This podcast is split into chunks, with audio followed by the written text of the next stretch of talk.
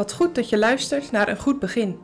In deze podcast brengen we de boodschap van Romeinen dichtbij. Vandaag met dominee Jansen. De podcast van vandaag gaat over Dit gaat niet over de ander. We lezen samen Romeinen 2 vers 1 tot en met 3. Daarom zijt gij niet te verontschuldigen, o mens, wie gij zijt die anderen oordeelt. Want waarin gij een ander oordeelt, veroordeelt gij uzelven. Want gij die anderen oordeelt, doet dezelfde dingen. En wij weten dat het oordeel Gods naar waarheid is over degenen die zulke dingen doen. En denkt gij dit, o mens, die oordeelt degene die zulke dingen doen en dezelfde doet, dat gij het oordeel Gods zult ontvlieden? Wat hebben we allemaal ons oordeel klaar? Jij en ik. Als iemand binnenkomt in een bepaalde ruimte, we hebben gelijk onze mening klaar over die persoon, hoe hij eruit ziet. Als je in een groep komt en je ontmoet mensen voor het eerst en iemand neemt het woord, je hebt gelijk een bepaalde gedachte bij hetgeen iemand zegt. Wat kunnen we goed oordelen en veroordelen? Op basis van hoe iemand eruit ziet, hoe iemand is. En soms moeten we ons oordeel bijstellen. En moeten we eerlijk toegeven, het klopt niet. Of ik had het verkeerd. Of zoals we dan wel zeggen, wat valt iemand mee? Paulus gaat ook spreken over oordelen en veroordelen. We hebben gehoord dat hij sprak tot de heidenen, of beter gezegd over de heidenen. En nu spreekt Paulus opnieuw tot de christelijke gemeenten in Rome. Het waren waarschijnlijk verschillende huisgemeenten die op verschillende plaatsen in Rome bijeenkwamen. En hij gaat ze aanspreken, in bijzonder wel de Joden onder hen.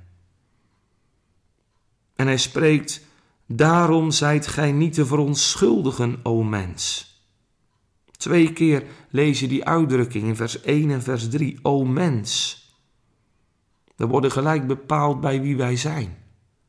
Je bent een mens, een Adamskind, een stofbewoner. Hoe durven wij bepaalde oordelen of waardeoordelen uit te spreken over anderen? Waar zijn we soms mee bezig? Wat bezielt ons eigenlijk? Daarom zijt gij niet te verontschuldigen, o mens, wie gij zijt, die anderen oordeelt. Het kan over heidenen gaan, zegt onze kanttekening, en bijzonder heidense rechters, die een oordeel uit moesten spreken, en die ook vanwege hun beroep anderen moesten veroordelen, terwijl ze zelf soms in dezelfde zonde leefden. Dus een rechter die de naam van rechter niet eens waard is. Veroordeelt een ander over een zonde tegen de wet en zelf leeft hij stiekem in het verborgen in die zonde. Het kan ook gaan, en dat lijkt misschien meer voor de hand liggend omdat Paulus de Joden aanspreekt, over fariseërs, die zelf het woord van God kenden. En die spraken uit dat woord.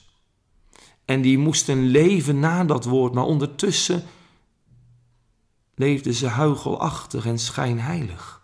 Ze wezen de zonde bij een ander aan, maar hielden de zonde zelf vast. Zeg, hoe doe jij dat? In welke zonde leef jij? Die jij misschien in anderen veroordeelt.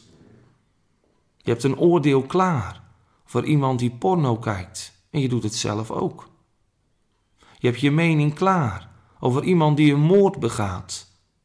Maar zelf heb jij ook de wortel van doodslag in je, nijd en haat. En zo zou je meer zonden kunnen noemen. Nu gaat Paulus schrijven over het oordeel van God.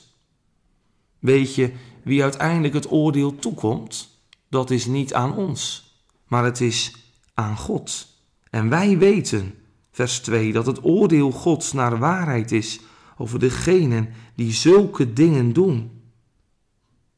God kijkt in je hart. Hij kent jouw hart. Kijk dus niet naar de ander, maar begin bij jezelf. Je bent te druk met de ander. Je ziet de splinter in de ogen van je buurman of van je kameraad, maar je vergeet de balk in je eigen oog. Je bent rap van tong. Je vergeet om te vragen, Heere, zet een wacht voor mijn lippen. Je hebt je oordeel klaar over dominees, over ouderlingen. In wezen ben je heel hoogmoedig. Je weet het beter. Maar weet dat de Heere je hart aanziet. Oordeelt niet, zegt Christus in de bergrede, opdat gij niet geoordeeld worden. En misschien klopt jouw oordeel niet. Heb je het bij het verkeerde eind. En daarom, God oordeelt nooit verkeerd. Hij oordeelt rechtvaardig. Vers 3 eindigt zo ernstig. Dat gij het oordeel God zult ontvlieden. Dus misschien ben je bezig met anderen, maar straks zul jij geoordeeld worden. Hoe zul jij voor God staan? Dat oordeel kun je niet ontlopen. En dat oordeel zal waarachtig zijn en eerlijk. Mocht je hier al vallen onder het oordeel van God en zeggen: Uw doen is rein, uw vonnis gans rechtvaardig. Gods kinderen mogen aan Gods kant komen. Zij stemmen in met het oordeel van God over hun leven. En dat oordeel is volkomen recht. Daar willen ze niets van af hebben. Kun je meezingen?